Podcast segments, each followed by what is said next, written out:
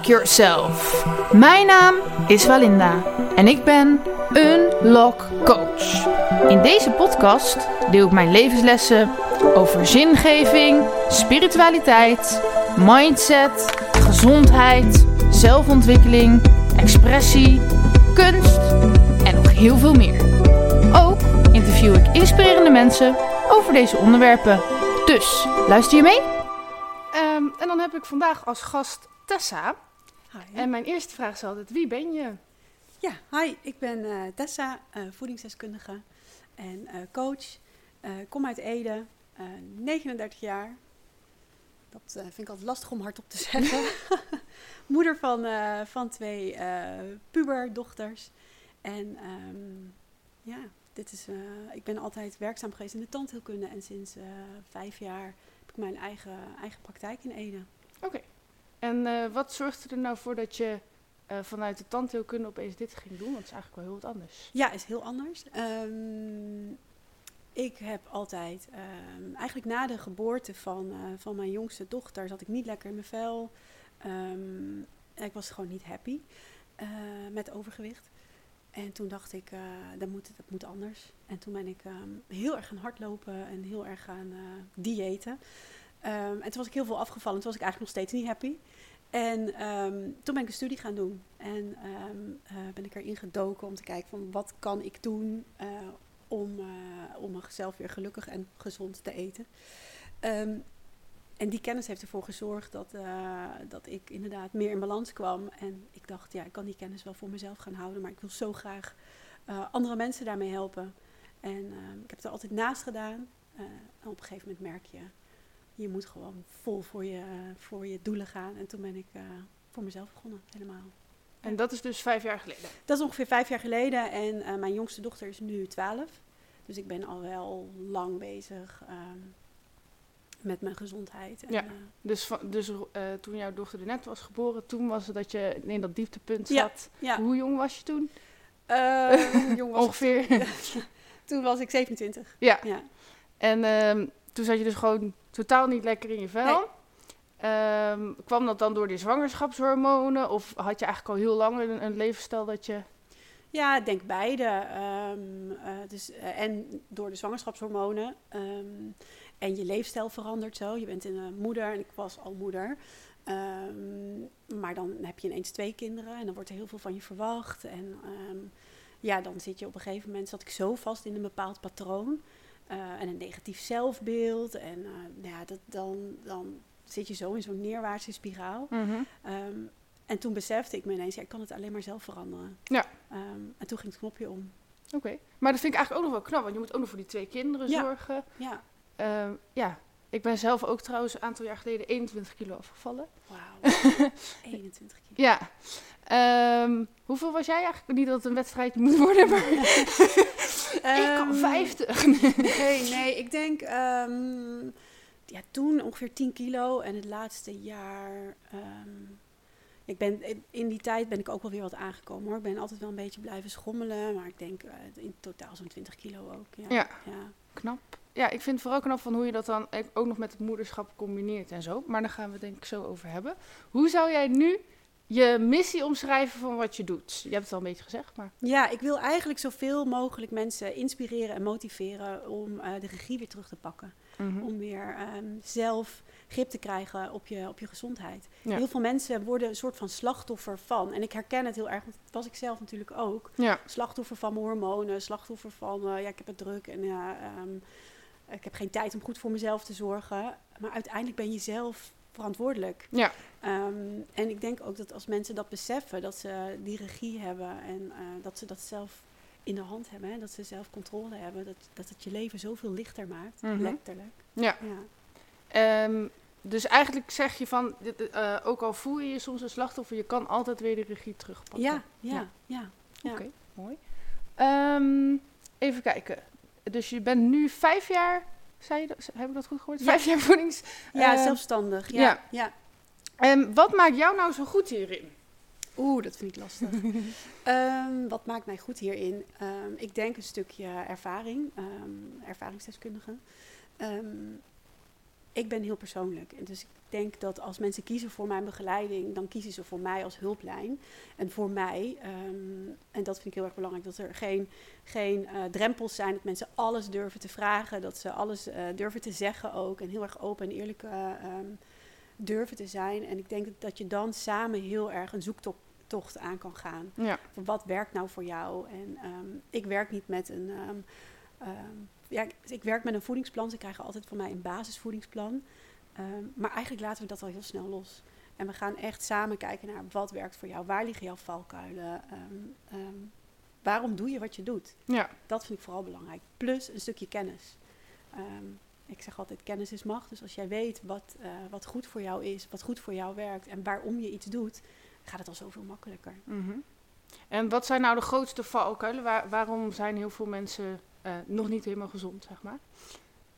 Ik denk dat een heel groot gedeelte uh, gedrag is. Mm -hmm. Dus dat mensen echt uh, verkeerd gedrag hebben aangeleerd. Of, um, wat, wat heel erg onderschat wordt, is nog die psychologie achter eten en onder eten. Waarom doe je wat je doet? Ja. Voor heel veel mensen is het ook een, een vlucht.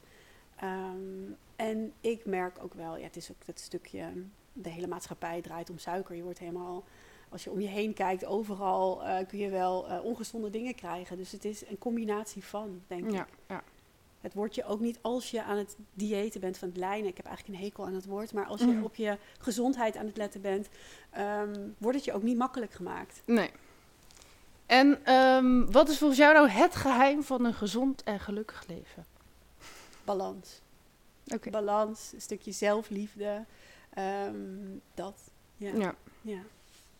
Um, dan um, gaan we over alles wat je zegt, heb ik straks nog veel diepere vragen. Maar eerst nog over, over jou persoonlijk. Wat zijn je hobby's? Mijn hobby's? Um, muziek.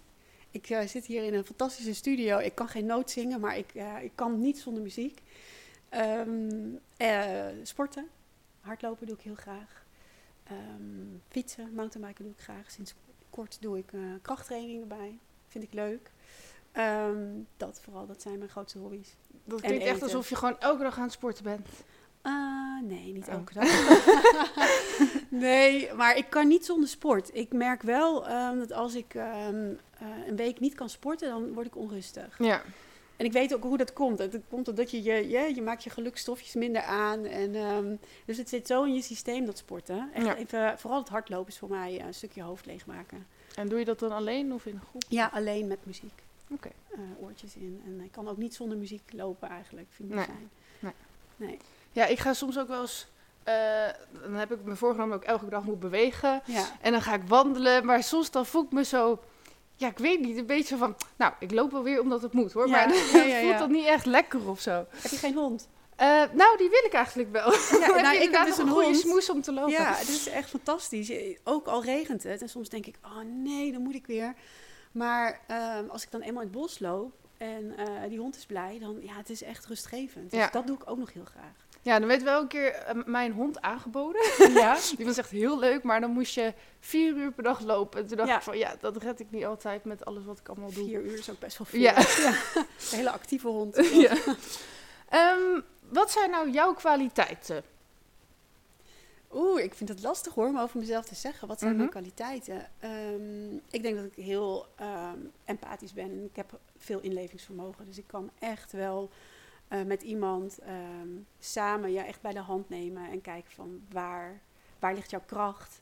Eh, ik zie in iedereen wel iets moois, ik zie in iedereen wel iets goeds. Ja, ik denk dat daar wel mijn kracht ligt. En ook in, mijn, in de begeleiding, dat dat mijn begeleiding persoonlijk maakt. Ja. En heb je ook nog valkuilen die je durft toe te geven? Eh, ja, ja. Heb je even? Nee. Eh, mijn valkuilen inderdaad is... eh, ik denk eigenlijk dat het bij iedereen wel is... dat je grootste kracht ook je grootste valkuil is. Dus Ja. als jij in iedereen wel iets mooi... Niet iedereen heeft het altijd het maar het beste met je voor. En niet iedereen... ehm, ehm, ja, ik denk dat daarin mijn, dat dat mijn grootste valkuil is. Ja. En daarin merk ik, als ik dan kijk puur naar mijn werk... ehm, als mensen kiezen voor mijn begeleiding, kiezen ze voor mij, zeg ik altijd. En dan ben ik je hulplijn, maar dan ben ik altijd je hulplijn. En daardoor sta je altijd aan. Ja. En doordat ik het zo goed wil doen voor iedereen, sta je altijd aan. En dat is soms wel eens lastig. Ja. Eh, en hoe zorg je, want eigenlijk was de vraag- volgende vraag van hoe vang je dit op in je werk? Ja. nou, je zegt dus al dat je dat eh, op je werk er ook tegenaan loopt. Ja, Maar hoe zorg je nou dat je dus uitgaat? eh, hardlopen, wandelen. Ja, dus gewoon eh, sporten. Echt dat sporten, ja. Ja. ja. Ja. En doe je dat dan ook in je pauze of zo? Ik weet niet of je pauze... Ja, eh, ik probeer wel pauzes in te plannen. Nou, ik heb dus nu een hond sinds Ja. eh, een jaar, anderhalf jaar. En door hem moet ik gewoon pauze nemen. Moet Ja. ik gewoon ehm, gaan wandelen.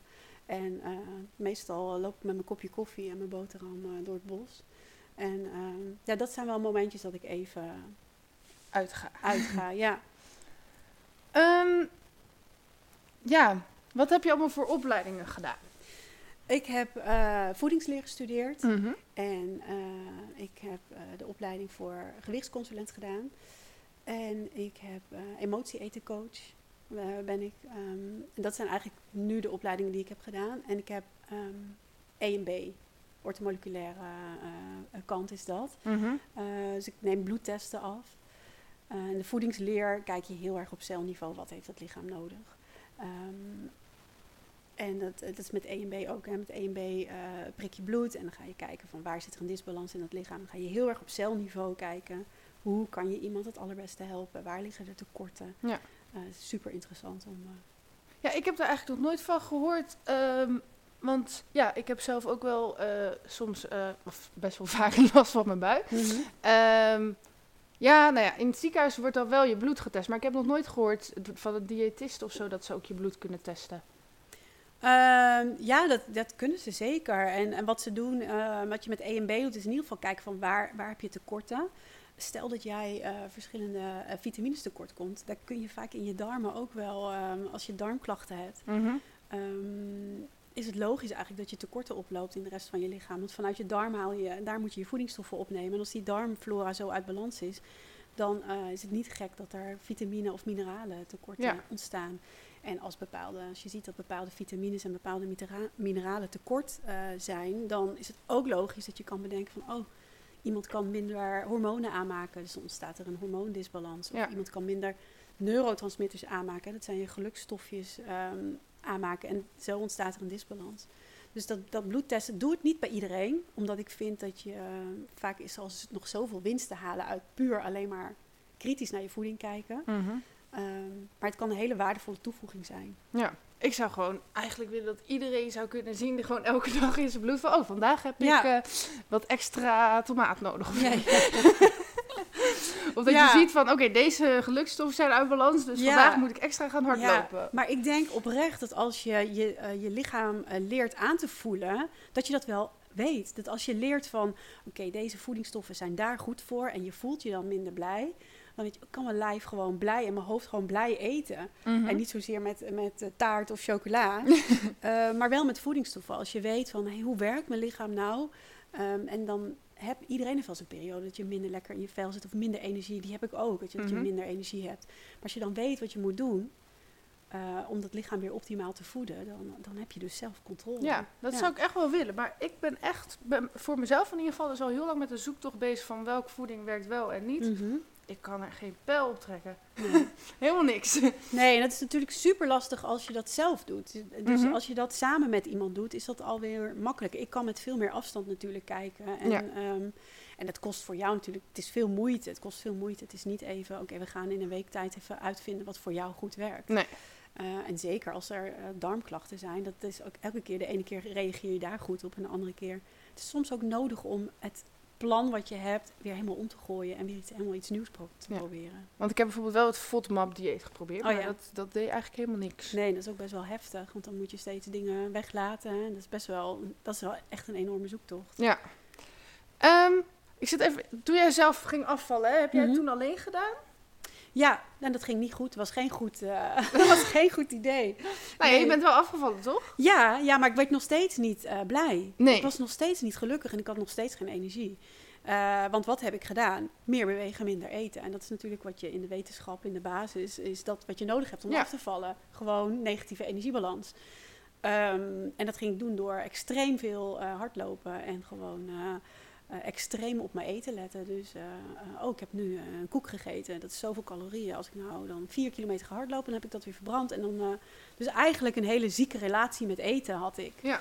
Ehm, en toen ben ik me gaan verdiepen. En wat ik, waar, waar ik van schrok toen, dus dat is al wel elf jaar geleden, twaalf jaar geleden, ehm, dat er zoveel tegenstrijdige informatie te vinden was. Ja. Koolhydraatvrij, eh, koolhydraatarm eten, dat was het dan helemaal. Dan moest je eiwitrijk eten of maaltijdvervangers. Nou, ik heb eigenlijk ook alles wel geprobeerd. Ehm, maar niks werkte eigenlijk. Ja, tijdelijk. Ja. En dan stopte het weer. En Mhm. dan eh, dacht ik, wat moet ik nou dan weer? eh, wat moet ik nou weer bedenken? Ja, dat is wel Ehm, heel herkenbaar. Ja, ik denk voor heel veel mensen. En eigenlijk iedereen die bij mij in de praktijk komt ook hoor. Die zegt van ja, ik weet het gewoon niet meer. Nee, maar ook, ik heb ook echt heel veel podcasts over voeding geluisterd, maar mensen spreken elkaar ook gewoon de hele tijd tegen. Ja, merk ik ook. Ja. Maar hoe weet jij dan zeker dat jij wel ehm, de juiste informatie hebt, zeg maar, als er zoveel visies zijn?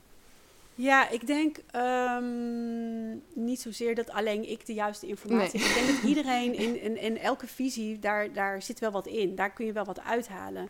Ehm, waar ik vooral heel erg naar terug wil, is naar de basis. Dus dat je leert, wat heb je in de basis nodig? En daarvoor heb je een stukje basiskennis nodig.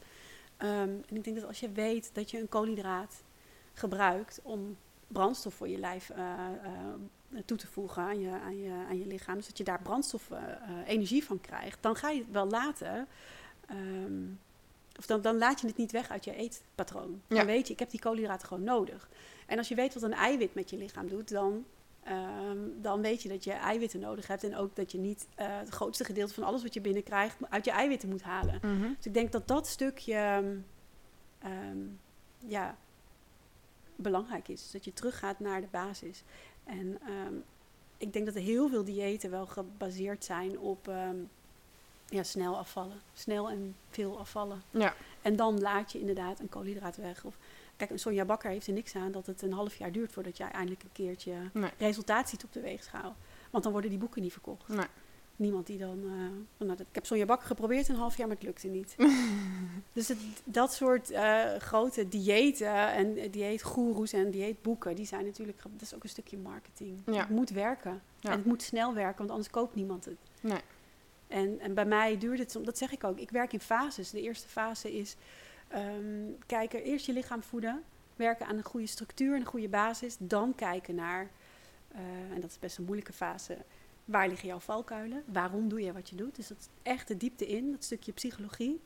Ehm, en daarnaast gaan we volle focus op je doel. Dus eigenlijk pas in de laatste fase van, eh, van een traject bij mij gaan we vol focus hebben op je doel. Ja. En Maar dat dan heb, je al wel, afvallen. ja, dan heb je wel al inderdaad die basis van dat je zeker weet dat je de gezonde voeding bent. Ja, en ik hoop ook al- eigenlijk altijd dat mensen na een traject, of dat nou drie maanden of zes maanden is, dat ze kunnen zeggen: Tess, ik kan het zelf. En ehm, ik garandeer ook niet dat ze nooit meer terugvallen. Ik 100% dat je een keertje terug gaat vallen. Ik val zelf ook wel eens terug. Ik heb Mhm. zelf ook wel eens dat ik denk: Oeh, ik moet nu toch echt wel even een beetje beter op gaan letten.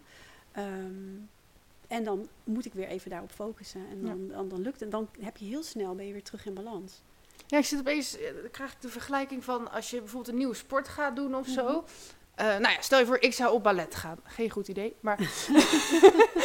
en, dan, en iemand zegt, binnen twee weken kan jij een pirouette. Ja, En dan, eh, nou, misschien kan ik het dan binnen twee weken, maar dan kan ik nog steeds geen ballet, zeg maar. Ja. En dat is eigenlijk wat je misschien ook wel doet als je heel snel wil afvallen. Van, eh, je kan dan inderdaad afvallen, maar het betekent nog niet dat je gezond leeft. ja. ja, weet je wat ik altijd... ik geef altijd het voorbeeld van... We willen naar Italië. Ja, En hoe kom je daar? Hoe kom je in Italië? Je kan het vliegtuig pakken en dan ben je binnen no time ben je in Italië. Heb je je eindbestemming, je einddoel heb je bereikt. Maar het is veel interessanter om met de auto te gaan en dan helemaal eh, eh, focussen op de weg. En dan moet je wel focussen op de weg naar Italië toe. Want als jij alleen maar focust op Italië en je zit in de auto en je vliegt bij de eerste bocht al, eh, vlieg je eruit, dan dan ga je daar nooit komen. nee. Dus het is super interessant om het proces daar naartoe, naar je doel toe, dat je dat heel bewust meemaakt. En Ja. dat je daar in een, in een traject eh, eh, wel tien keer de mist in gaat of op je bek gaat. Mhm. Ehm, en weer hè, opkrabbelt en, en daarvan leert. Leer van dat soort. Ik ben altijd heel blij als mensen ehm, bij mij komen en zeggen: Oh, ik heb nu een weekend gehad, joh. Ik heb me helemaal niet aan het plan gehouden.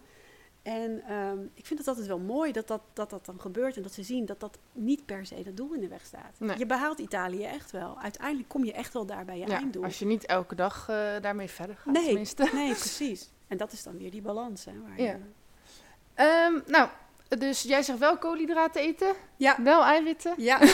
Dan heb ik nog een paar do's en don'ts, omdat je natuurlijk heel veel hoort eh, Ja. op... eh, Leuk. ehm, intermittent vasten, ben je daar voor of tegen? Mag ik alleen voor of tegen zeggen?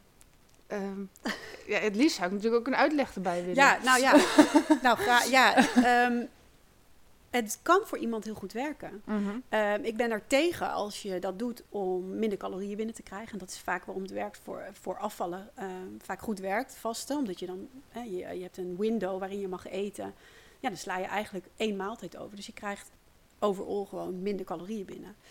Eh, dan ben ik er tegen als je het op die manier gaat gebruiken. Want Mhm. dan heb je, ga je een hele verknipte relatie krijgen met eten. Ehm, dan ben je weer met een dieetbril op aan het eten. Ehm, ik ben heel erg voor als je het doet om je bloedsuiker stabiel te houden. Als dat de reden erachter is. En dan ga je ook afvallen. ehm, maar dan doe je het met een andere reden. En, en ik ben heel erg voor als je het eh, met begeleiding doet. Oké. Dus nooit zomaar... ehm, nou, van morgen ga ik vasten en ik, eh, ik wacht met eten totdat het 12 uur is.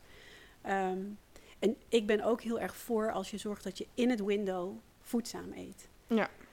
En dus niet gaat vasten. En dat, dat hoor je heel vaak, dat lees je wel eens. Oh, dan mag je eigenlijk alles eten wat je wilt tussen eh, 12 en 8. Ja. Mag je alles eten? ja, dan heeft dat vast ook niet zoveel zin. Tenminste, dan heb je alsnog heel veel eh, ongezonde dingen in je lichaam. Ja, precies. Dus dan, dan eh, zit je in je calorieën wel in een tekort. Dus zul je wel afvallen. Alleen ja, als jij eh, alleen maar witbrood en, en, eh, en eh, witte pasta gaat eten... en dus in de basis, in het window, je lichaam niet gaat voeden... dan zul je er niet per se eh, gezonder van worden. Nee. Dus het is altijd eh, ja, een beetje voor, een beetje tegen. Oké, dus het werkt in principe voor je gezondheid wel, maar onder eh, strikte voorwaarden. Laat Ja, vind ik wel. Ja, En ja. kan je dan beter 's ochtends niet eten of 's avonds niet eten?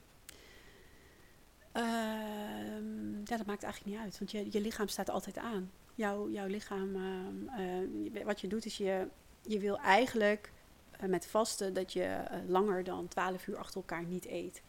Eh, dus je begint dan meestal om 12 uur met je eerste maaltijd en dan tot 8 uur. En of dat dan van 11 tot 7, dat mag ook. Ja. Ehm, dus dat maakt op zich niet zoveel uit. Want er zijn ook nog mensen die zeggen van ja, in de oertijd toen aten ze bijvoorbeeld altijd s'avonds. eh want ze waren de hele dag op zoek naar eten en dan kon je dat s'avonds pas eten. Ja, Aan de andere kant, misschien ze gingen ze toen ook nog wel slapen en bewaarden ze iets voor de volgende dag. Dat weet Ja. je ook niet. dat weet ik. zeggen, dat weten we niet. Nee. En dat denk ik ook, tuurlijk. Dat, ik vind het allemaal heel mooi, terug naar de oertijd. Maar eh, we leven niet meer in de oertijd. Nee. En we worden helemaal eh, doodgegooid met... eh, met nou, nu, je hoeft maar naar de supermarkt te gaan en overal ligt chocola. Ja, dus terug naar de oertijd. Ik vind dat het wel, wel mooi en interessant. Maar ja... Nou, maar dat is natuurlijk ook meer omdat ze dan zeggen, ja, ons lichaam is niet zo heel erg veranderd vergeleken met de oermens. Dus daar zijn we voor bedoeld om zo te leven dan, zeg maar. Ja, ja. Ik zit te denken, misschien over een paar duizend jaar zeggen, gaan mensen allemaal, ja, maar in de Ja, gaan ze terug naar onze tijd. ja, toen hadden ze alleen maar chocolade, paaseitjes. Dus en, dat is eh, goed voor ons. Ja, en cola. En, eh, We moeten meer achter de beeldschermen zitten. oh ja, nee, je moet er toch niet aan denken. Nou, koolhydraten had ik al gevraagd. Vlees, wel of niet? Want er zijn nu natuurlijk heel veel mensen veganistisch. Ja, ja, ja, veganistisch vind ik, eh, ik vind het oprecht heel knap als mensen een veganistische leefstijl eh, hebben en dan echt nog al hun voedingsstoffen binnen, binnen kunnen krijgen. Eh, want het is wel moeilijk, want je laat wel veel dingetjes weg. Ehm, wel vlees, geen vlees. Ik eet zelf wel vlees. Ehm, ik vind vegetarisch, met een vegetarische leefstijl kun je prima eh, heel gezond, eh, kan heel gezond zijn. Veganistisch dus nogmaals niet, niet ben, ben ik niet helemaal een voorstander van. Ehm, ja, flexitariër vind ik eigenlijk wel mooi. Dus dat je af en toe vegetarisch eet Mhm. en dat je toch nog wel ehm, eh, je vlees binnenkrijgt, je B12 binnenkrijgt. Ja. En waarom geen veganisme? Wat, eh, Omdat je dan eh, echt wel heel veel dierlijke producten mist. Dus ook wel echt waardevolle voedingsstoffen. En B12 bijvoorbeeld kun je wel uit een supplement halen. Maar ehm, je hebt ook echt wel veganisten die zeggen... nou, ik ga ook geen ehm, ehm, omega-3 supplementen... want daar zit dan ook dierlijke... En dan kom je toch echt wel dingen tekort. Ja. En ehm, ja, het is mijn, mijn visie is dat gewoon niet. Ik denk dat je ehm, heel erg veel moeite moet doen om dan echt al je voedingsstoffen binnen te krijgen. Dus het kan wel, eh, maar nee, als je mij vraagt, eh, ben je een voorstander? Mhm. Nee, dan ben ik geen Ja. voorstander. Zelf eet ik eh, wel nog vlees, maar ik had dus ook heel veel ja, wat ik al zei, een podcast geluisterd over voeding. En toen op een gegeven moment hoorde ik ook weer allemaal andere visies op vlees. Maar toen Mhm. zei één iemand van ja, er is gewoon op lange termijn zijn er meer bewijzen eh, voor mensen die zeg maar ouder en gezonder worden met vlees dan zonder vlees. Maar dat komt omdat gewoon veganisme of vegetarisch zijn is best wel nieuw. Dus toen dacht ik, nou ja, dan heb ik dus meer kans dat vlees eten gezonder is. Dus dan eet ik maar vlees. we- ah, in de oertijd aten we ook vlees. Ja. Eh, ja, nee, ik, ik eh, denk oprecht, met een vegetarische leefstijl kun je echt wel, eh, want dan, dan eet je nog wel vaak je eieren en andere dierlijke producten nog wel, vis, soms eten ze wel vis. Ehm, maar ja, vle- met vlees eten, weet je gewoon, je krijgt daar eh, je, je vitamine B12, je eh, eh, eiwitten, aminozuren zitten in je eiwitten natuurlijk. Ja, denk ik dat dat wel, wel gezond is. Ja. Ja.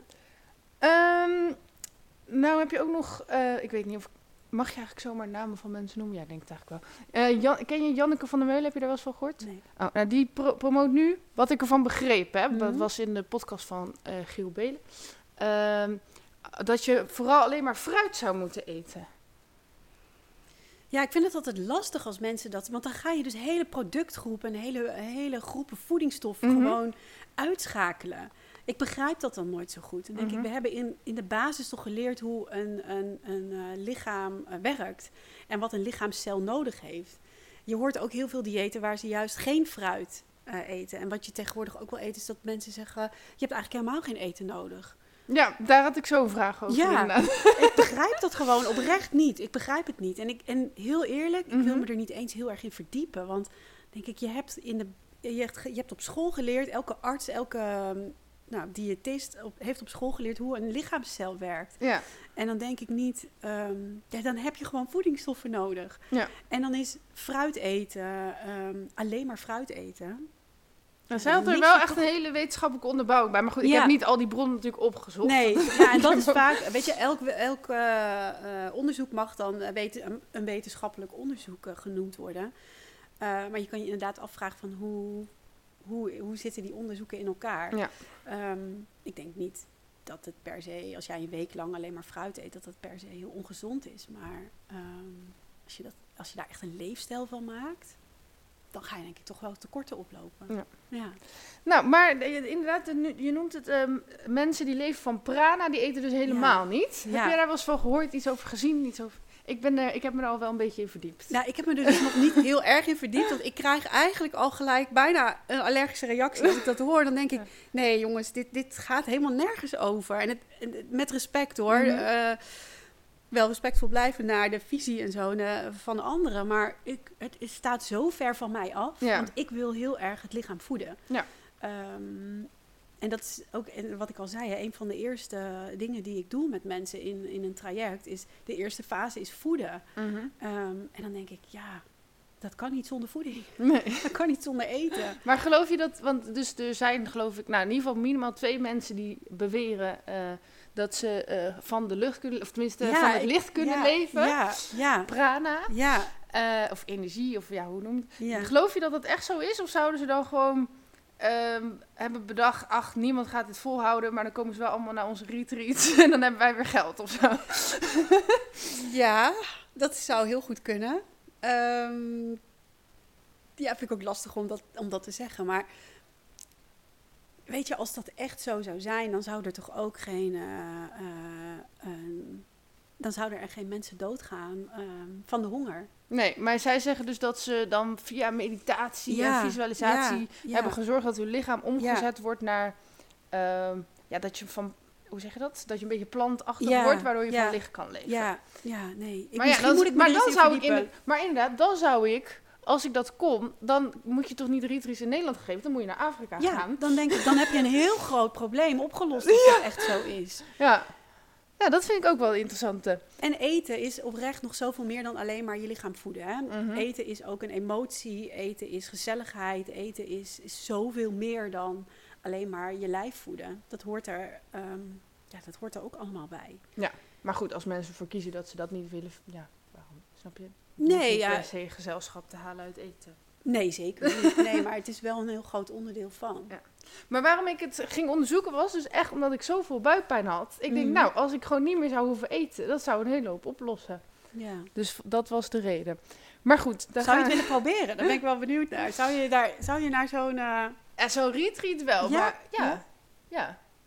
uit nieuwsgierigheid? Of, Ehm, ja, dat sowieso. ja. Maar stel dat het echt mogelijk is. Ja, dus even, ik hou van eten, ik vind het lekker. Ja. Maar ik heb dus heel, veel, heel vaak heel veel buikpijn. Dus dan Ja. denk ik van ja, dan zou ik het niet erg vinden als ik niet meer zou hoeven eten. Nee, snap ik wel.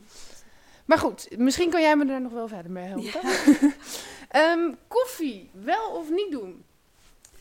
Met mate, Oké, vooral. want ik merk dus als ik koffie drink, ik word er heel erg druk van. Ehm, en ook, serieus, ik word grappiger van koffie. Ja?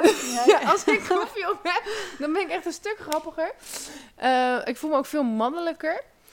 En- Mannelijker? Ja, maar ik had ook gelezen dat je, eh, maar daarvoor voelde ik dat al hoor, dat je dus meer testosteron van cafeïne aanmaakt.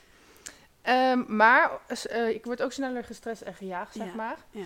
Ehm, en daardoor merkte ik ook dat ik soms wat sneller buikpijn kreeg van de stress. Dus ik ben nu zonder koffie. Ja, en ik denk met koffie ook, past het bij je? Hoe, reage- hoe reageer je erop? Dat is wel belangrijk. Ja. Ehm, dus met mate. En als jij eh, zes bakken latte macchiato met volle melk op een dag drinkt, dan zou ik zeggen, niet doen. Eh, maar drink jij zwarte koffie en drink je tien bakken koffie op een dag, ook niet doen. Want dan kun je inderdaad eh, klachten van krijgen.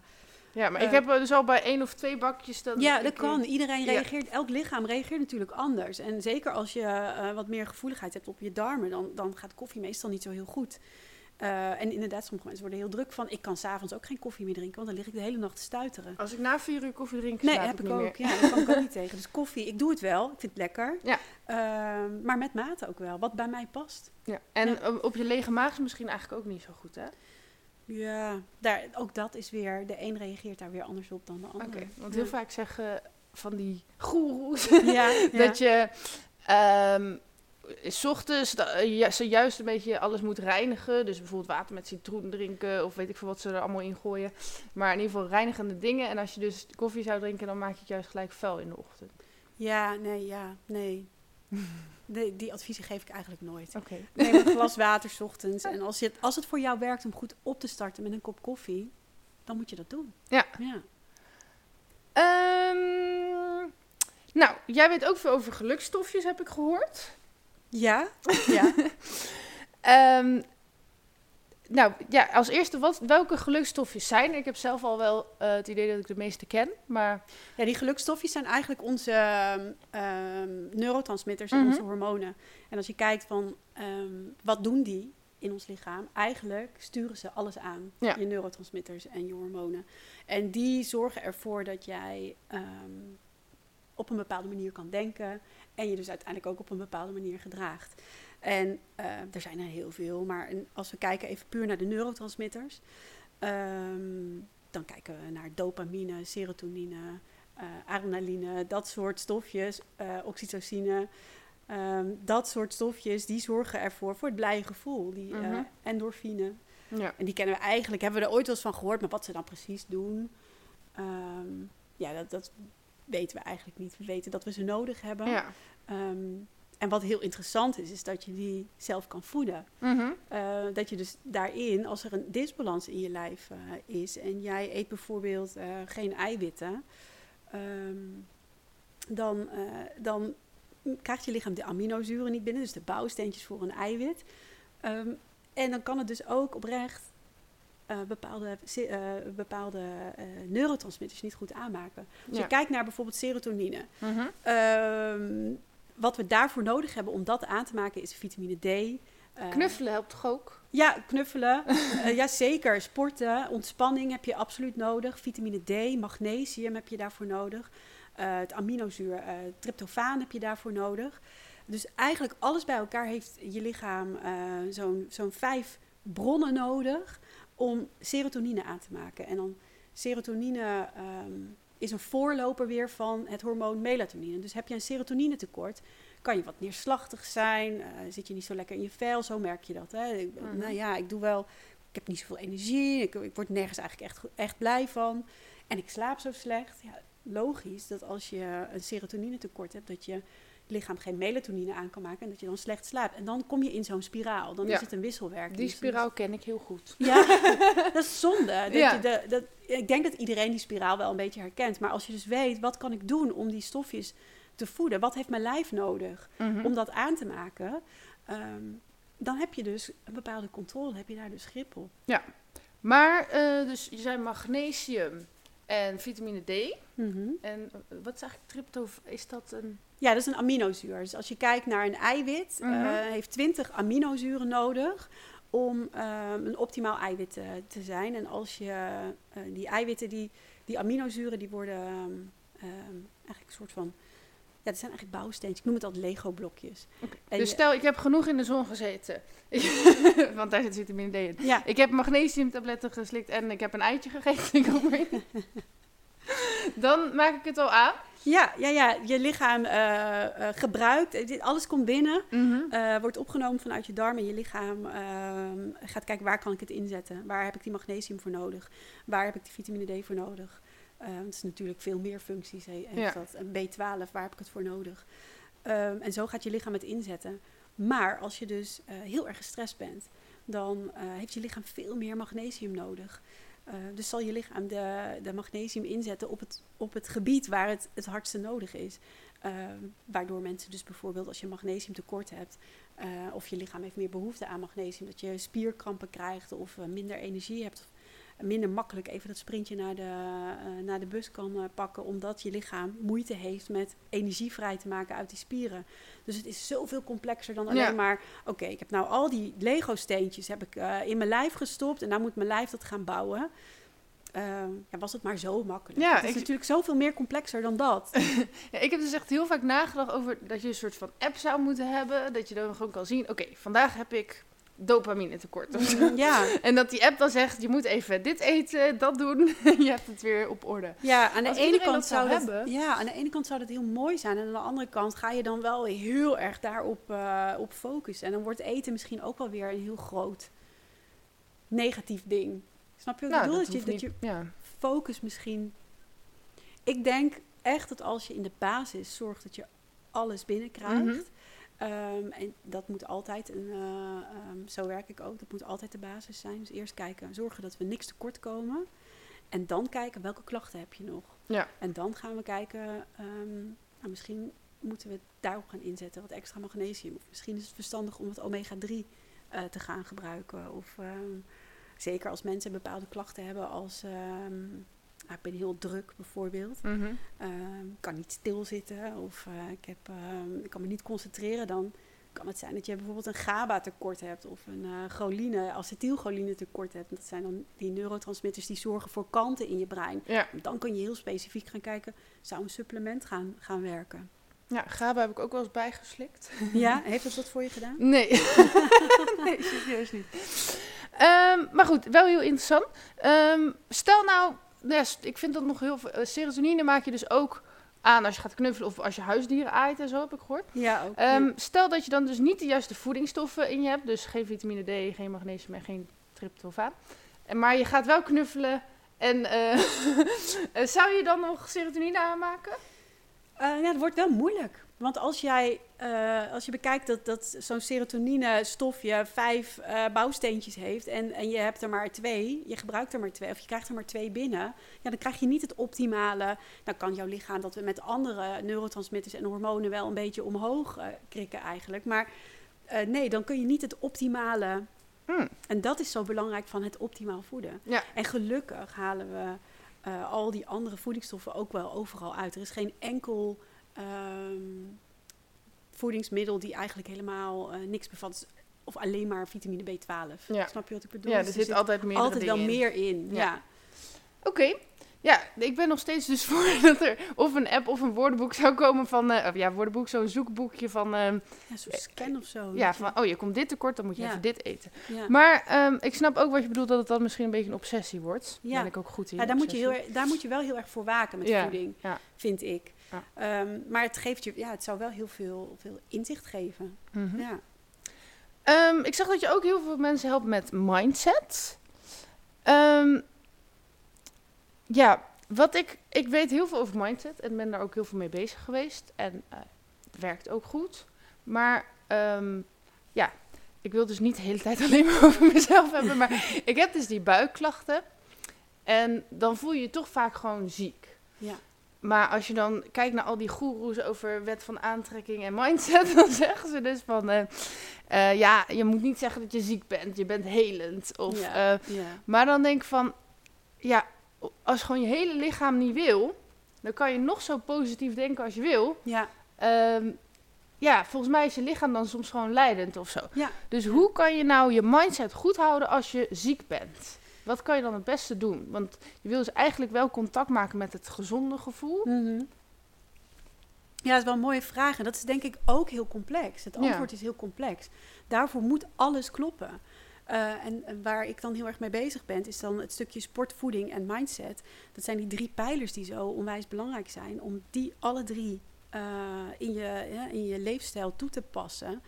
Ehm, en het een versterkt het ander. Dus als jouw eh, mindset goed is, zal je automatisch misschien iets minder eh, focus leggen op jouw buikklachten, op Mhm. je klachten. En als je eh, het stukje sport erbij pakt, kun je veel makkelijker bepaalde voedingsstoffen opnemen en gelukstofjes aanmaken. Dus het is een, een cirkeltje, of een driehoek eigenlijk, die, die allemaal super belangrijk zijn. Al die pijlers zijn belangrijk. Ja. Ehm, en ik, ik, ik geloof heel erg in, die, in wat je zegt, hè, die wet van aantrekkingskracht. Ik geloof daar heel erg, wel- heel erg in. Alleen, ja, de, de omgevingsfactoren moeten ook goed zijn. Dus als jij, ik kan wel zeggen, focus niet op die buikpijn, maar als die de hele dag aanwezig is, ja. Maar waar, dan, dan is het belangrijk dat je gaat kijken van, wat is dan de basis? Waar moet ik dit aanpakken? Ja.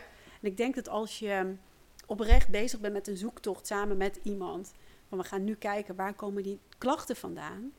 En ik geloof altijd dat er een weg is, dat, er altijd een, dat we altijd een manier kunnen zoeken waardoor het draaglijk wordt of misschien wel helemaal weggaat. Niet per se alleen maar met voeding hoor. Mhm. Ehm, en ik denk als je weet dat je daarmee bezig bent, dan wordt je mindset ook al anders. Dus Ja. het, het, gaat, het, het gaat heel erg, het floot heel erg in elkaar over. In ieder geval, toen ik dus ooit een beetje begon aan die, die mindset zoektocht, eh toen werkte het eerst heel goed voor me. En als ik dan bijvoorbeeld depressieve mensen tegenkwam, of Ja. dan dacht ik, nou, stel je niet zo aan, je moet gewoon positief denken. kont.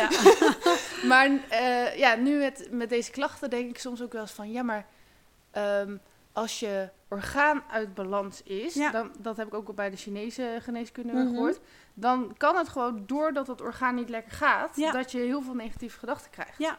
Ja, Dus ja, ik, het lichaam kan soms ook gewoon leidend zijn op je geest, zeg maar. Zeker, zeker. En daarom is, is inderdaad de, de driehoek zo belangrijk. Dus dat je weet van ik probeer aan alle pijlers te werken. Ja. En dan ben ik er echt wel van overtuigd dat een heleboel klachten eh, minder worden. Ehm, hoe vaak in de week moet ik, maar het gaat niet per se over mij, hè, maar moet een luisteraar sporten of bewegen? En wat is nou de beste sport om te doen? Ik zeg zeker wel drie keer, minimaal drie keer. Ehm, en wat is de beste sport? Ja, dat vraag je dan aan een hardloper. Dus dan zou ik zeggen hardlopen. Ehm, maar is dat per se de allerbeste sport? Nee, dat denk ik niet. Ehm, vooral een sport die jij leuk vindt om te doen. Ja. En eh, vind jij drie keer in de week eh, gewoon lekker stevig doorwandelen op de hei fijn, dan moet je dat doen. Ik kan wel zeggen, je moet krachttraining gaan doen.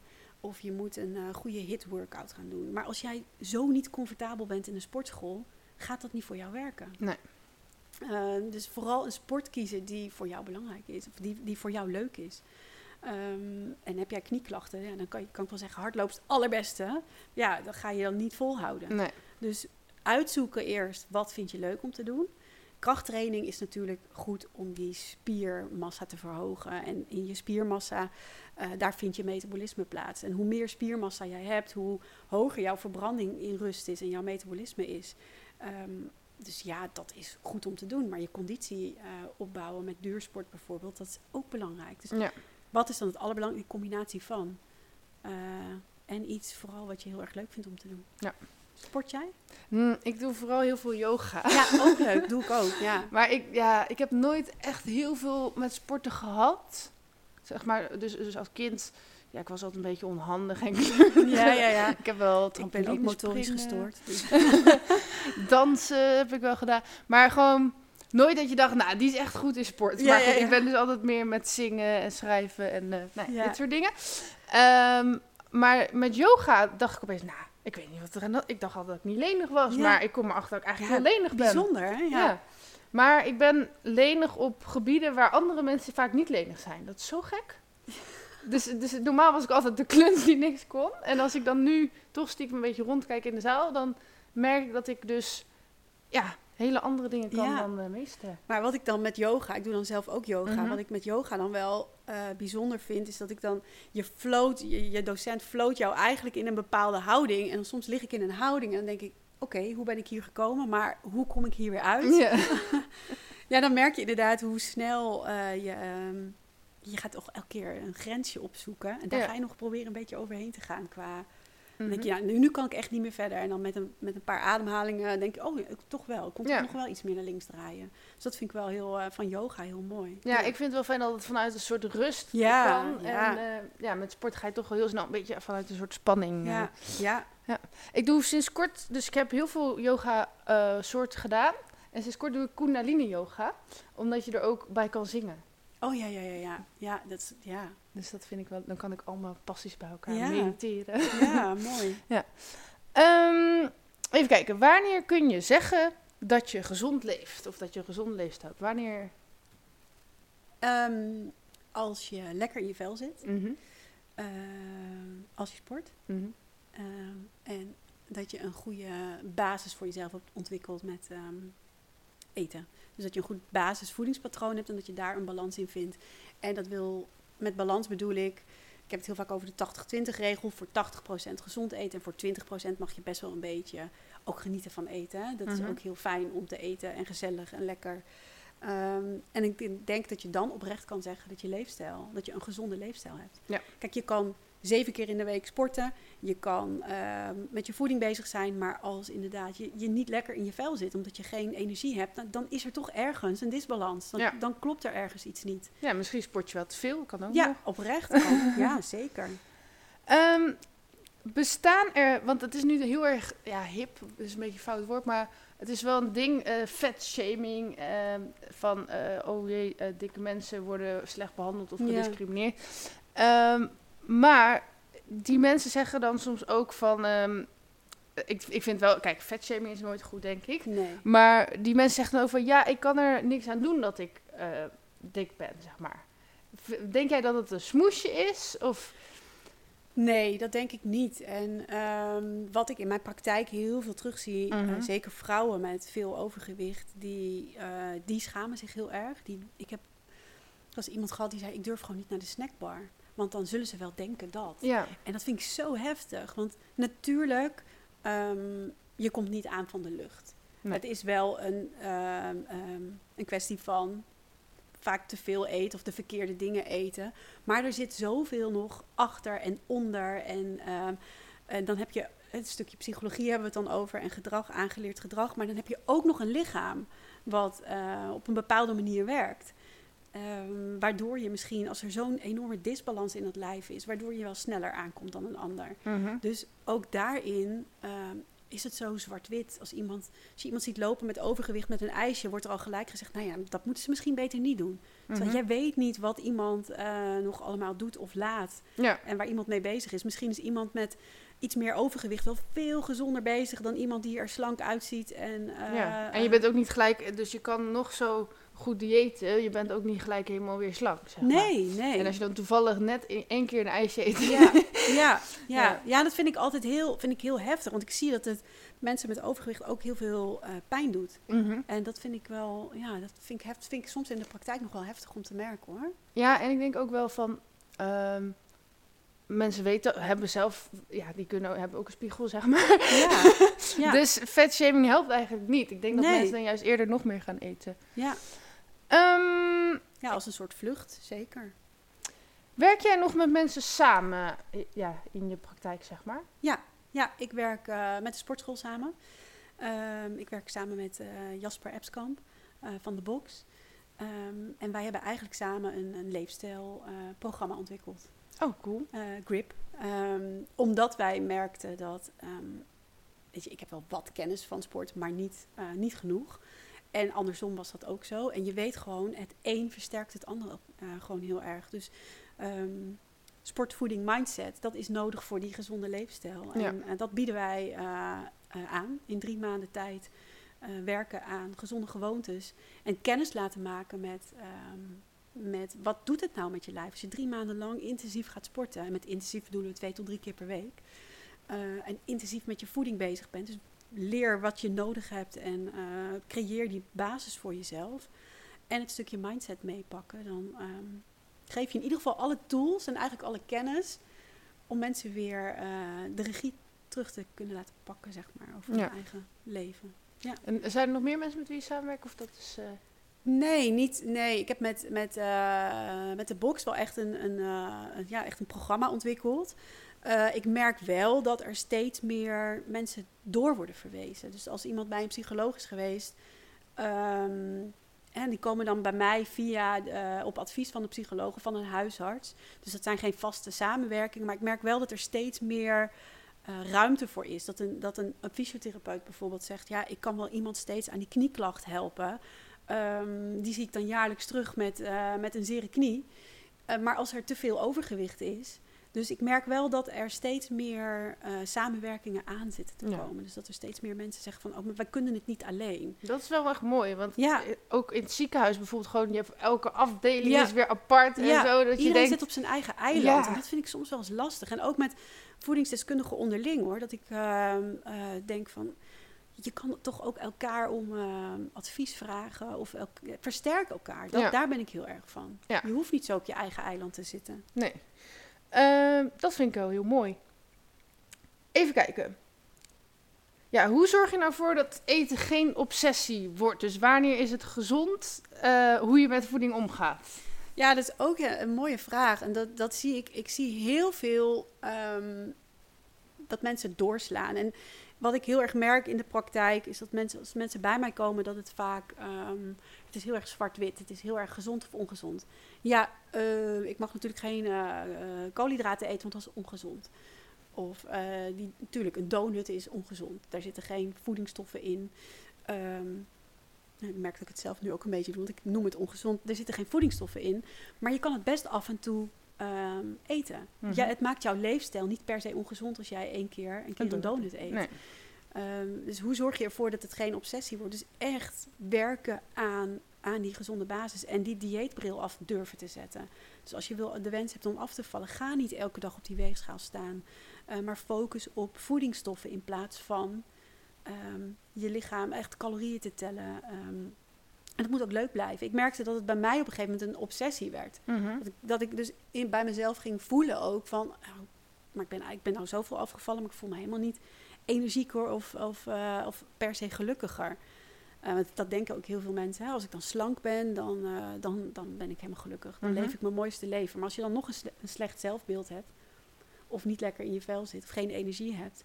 Ik had toen ik dus net was afgevallen, dat ik ongeveer twee jaar echt heel blij was. Ja. toen Ja. daarna was het weer Ja, was van oud of zo. ja en dat, dat zijn dan ook wel mensen...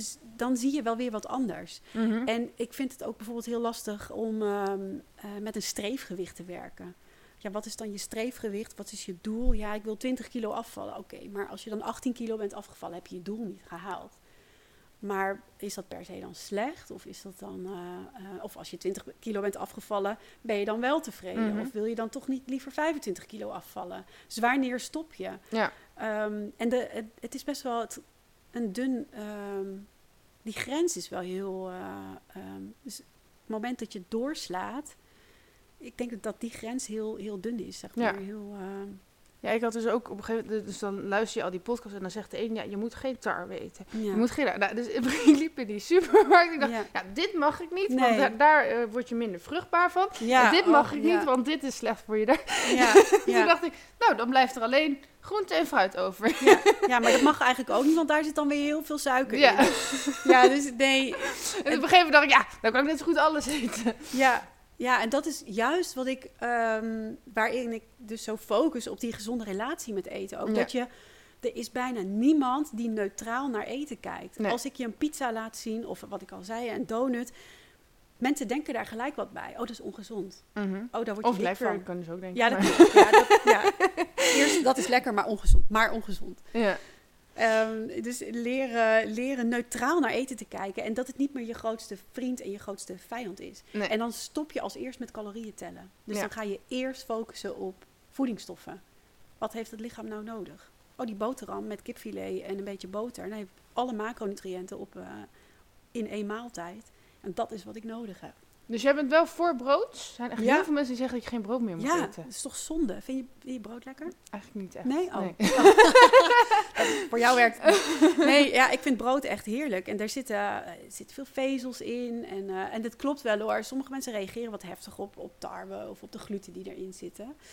Ehm, maar als het wel voor je werkt als, eh, ehm, en je vindt het lekker, waarom zou je het dan laten staan? Ja. Toevallig vanmorgen iemand in de praktijk en die zei... eh, ja, ik eet eigenlijk nooit aardappelen. Ik zeg, maar waarom eet je dat niet?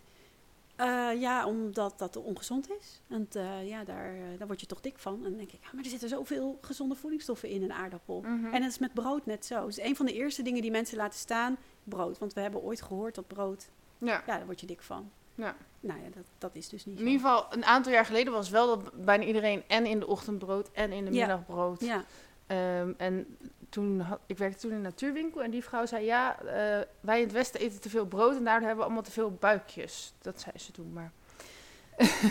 ja, nou ja, nee, vind ik niet. Het is vaak op zich van brood alleen word je niet dik, maar wat doe je op dat brood? Ja, En als daar dan alleen maar hazelnoten, pasta en hagelslag op gaat, en, en eh, volle vette kaas bijvoorbeeld, waar word je dan per se, waar krijgen we dan dat buikje van? ja, En is dat buikje omdat die buik opzet van, eh, omdat de darmen geprikkeld eh, raken daarvan, of is het eh, omdat we makkelijker vet opslaan op dat buikje? Ja, waar komt dat dan vandaan? Dat komt niet per se van het brood. Dus daarin, ook daarin is altijd weer, ja, dat is altijd weer een balans moet je daarin vinden. ja. Ehm, in hoeverre. Nou, de vraag komt eigenlijk zo, maar de volgende vraag gaat eigenlijk: in hoeverre ben ik, zijn wij, verantwoordelijk voor iemand anders gezondheid? Want als ik bijvoorbeeld een feestje geef, ik heb allemaal taart en cola en. Nou ja, de- aan de ene kant is het van, oh wat aardig, Walinda, Ja. je geeft een leuk feestje en iedereen mag mee eten. Ja, Aan de andere kant ben ik dan gewoon mijn vrienden van ongezonde voeding aan het voorzien. ja, ja. En zeker als je dan dus bijvoorbeeld ook nog ehm, familieleden of vrienden hebt die dan overgewicht hebben. Mhm. ehm, ben je dan eigenlijk niet aardiger als je gewoon je vrienden op, eh, op fruit trakteert bijvoorbeeld? Ja, ehm, dat vind ik wel mooi. Want dat, ook dat is weer, eh, als jij iemand, eh, als je een verjaardag viert en ehm jij zet daar worteltjes neer voor iemand met overgewicht, dan kunnen ze ook denken, ja, hallo. Ik doe eh, al de hele week, eh, ben ik bezig met mijn gezondheid. Heb ik eindelijk een keer een feestje en dan ga jij mij worteltjes geven. Ja. Dat kunnen ze natuurlijk ook als, als verkeerd... eh, Ja, daarom. Dus dat, dat is ook niet aardig. in hoeverre zijn we verantwoordelijk? Ik vind wel, het wordt wel Mhm. een steeds groter probleem. En als ik eh, om me heen kijk. Nou, ik heb natuurlijk eh, puberdochters. En als ik zie wat, daar, wat er bijvoorbeeld in de klas zit, zijn best wel veel kinderen. Ik had het er laatst met iemand over van mijn leeftijd. Vroeger hadden we één of twee kinderen in de klas die wat overgewicht hadden. En die, die hadden dan vaak eh, eh, wel echt klachten, inderdaad. Of, of eh, ehm, medicijngebruik. Of, maar nu zie je dat wel, dat veel kinderen al, al overgewicht hebben. En als ik ook wel eens zie wat kinderen meekrijgen in de bakjes naar school. Donut of koude pizza. Of, En de hele dag energy drink drinken. Ja, energy drink of eh, pakjes wiki met weet ik veel hoeveel suiker erin. Ouders weten vaak ook niet beter hoor. Dat is ook wel. Dus het stukje kennis vind ik heel erg belangrijk. Ja. Dat begint al eh, op de basisschool, of dat begint eigenlijk al bij de ouders natuurlijk. Mhm. Ehm, Maar het is natuurlijk voor pubers ook wel, die weten het vaak ook wel. Maar het is ook wel een soort van pubergedrag dat je denkt, yes, we gaan met z'n allen naar de McDonald's. Yes, we gaan... Ja, ja. eh, ze weten het wel, maar ik denk dat ze het. Ze weten het omdat wij zeggen, nou, dit is gewoon ongezond. Die snoep is ongezond. Ja, maar ze snappen niet echt wat het met je lichaam Precies. doet. Ja. En ik denk dat als je dat gaat uitleggen, wat doet het dan met je lichaam? En dan niet eens per se overgewicht, want dat snappen ze nog nee, wel. Nee, ja, precies. Maar, Ja. maar wat, waarom eh, voel je je zo, eh, ehm, zo sloom over de dag? Ja. To- Toevallig vroeg mijn, mijn oudste dochter gisteren van... eh, wat zei ze nou precies? Mama, kan het zijn dat ik zo, eh, zo moe word na het eten? Wij hadden pizza gegeten. Dat ik eh, zo moe word van pizza eten. Ja, dat kan, want dat is zo'n enorme eh, bron aan, eh, aan energie. Dat, je lichaam kan dat eigenlijk niet aan en dan word je moe. Oh ja, dat, dat, het kleine stukje bewustwording van wat doet het met je lichaam. En als je kijkt ehm, in de supermarkten, daar word je natuurlijk plat gebombardeerd met ongezond voedsel. Ja. Ik kwam laatst, moest ik even een, een flesje water kopen bij de kassa. En ik moest gewoon zoeken, want bovenaan eh, stond de energiedrank. En toen kwam een eh, plankje met cola en toen kwam een plankje met sinaas. En de onderste plankje hadden ze alleen maar spa rood staan, dus niet eens water. En dan dacht ik, moet dus gewoon echt helemaal de winkel door om een gewoon simpel flesje water te kopen. Ja. En op elke hoek eh, van de supermarkt kun je wel, nou nu de chocolade-eitjes of... ehm, Ja. Dat, dat is, ik vind dat daar ligt wel een stukje verantwoordelijkheid van, eh, van de hele maatschappij om, ehm, ja, om, dat moet makkelijker en goedkoper worden om gewoon een gezonde leefstijl, Ja. gezonde producten. Ja, en ik heb ook wel eens nagedacht over dat je, eh, want langs de weg heb je natuurlijk fastfoodketens, maar Ja. dat je daar eigenlijk meer gezonde fastfood zou moeten kunnen halen. Ja, dat lijkt me fantastisch. Dat is nog wel een van mijn eh toekomstdromen om iets op te zetten eh, of de horeca wat gezonder te maken. Dus Ja. dat je kijkt ehm, dat je ergens kan gaan zitten en dat je op de kaart kan kijken en dat er een bepaald keurmerkje is. Ehm, dat je, oh, als ik daarvoor ga, wat je nu ook ziet met het eh, vegan of het eh, vega eh, vinkje achter je eten. Dat je weet, oh, dit is gewoon uitgebalanceerd, dit is gewoon gezond. Ja, alleen het is wel met die vinkjes en alles, dat wordt ook weer ge gechanteerd natuurlijk van, oh ja, het valt er nu net wel onder als we even dit eruit halen. Klopt, ja. ja, en dat is natuurlijk ook weer, dat is het hele stukje marketing. En, eh, maar het moet gewoon niet zo moeilijk zijn. Nee, Als je ergens eh, eh, een gezond broodje, volkoren broodje met kaas of kipfilet zo, dat moet gewoon kunnen. Je moet niet... ik vind, maar dat is wel een oordeel van mij, want jij zei we moeten juist voed, voedingsdingen, dus bijvoorbeeld een donut niet veroordelen. Maar ik vind het ook best wel raar dat in het ziekenhuis, in het restaurant, dat daar, er is ook bijna alleen maar ijs en, eh, Ja, nou ja, ja. niet heel veel gezond, zeg maar. ja, dat vind ik ook dat vind ik lastig. Want dan weet je, oké, die donut gaat per, niet per se mijn doel in de weg staan. Eh, maar het wordt je wel heel moeilijk gemaakt om een gezonde keuze te maken. En dan liggen er koeken eh, in een soort van eh, eh, plasticje met een, met een mooi stickertje erop. En dat lijkt dan heel biologisch en gezond. En biologisch is natuurlijk niet per se... Nee.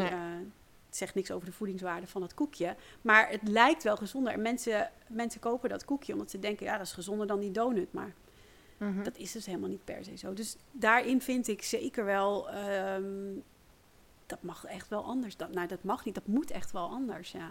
Ja, want ook omdat je dus door voeding ook ziek kan worden. Ja, ja. Ja, en misschien is dit heel zwart-wit uitgesproken, maar ik heb wel in het ziekenhuis gezeten toen ik heel veel met voeding bezig was. Mhm. En eh, dat ik dacht van, ja, als je bijvoorbeeld naar een afkeerkliniek gaat en mensen komen je bezoeken, is het toch heel raar als ze bijvoorbeeld allemaal wiet krijgen terwijl ze je komen bezoeken. Ja, ja. En waarom is dan in het ziekenhuis wel Ja. die ongezonde, maar dat is misschien een beetje te zwart-wit.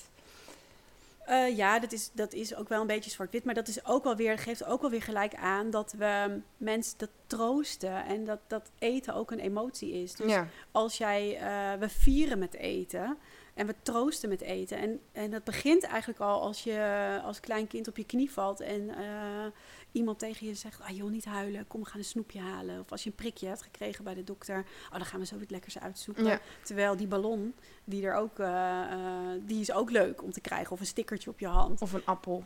Ja, maar oprecht een appel kan, als je daar een leuke Dora-sticker op doet, vindt het kind eigenlijk net zo prima. Alleen moeten allemaal schreeuwerige Dora-koekjes verkocht worden. Ja. Even kijken wat ik nog meer voor vragen heb.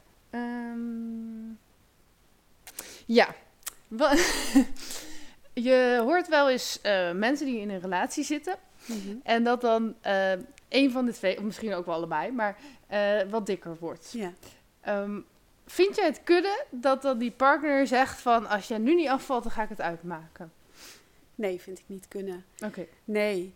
Ehm, ik denk wel dat een partner zich zorgen kan maken om jou. Om, om, ehm, en dat hij best wel kan zeggen van joh, ehm, je zit niet lekker in je vel, maar zal je, je, je hebt het zelf in de hand. Je zou best wel eens wat.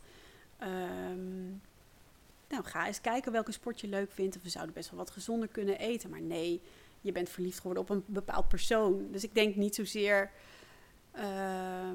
als het gaat om jouw gezondheid, ja. Mhm. Maar niet, nee. Nee, dus, Nee. dus iemand mag er wel wat van zeggen.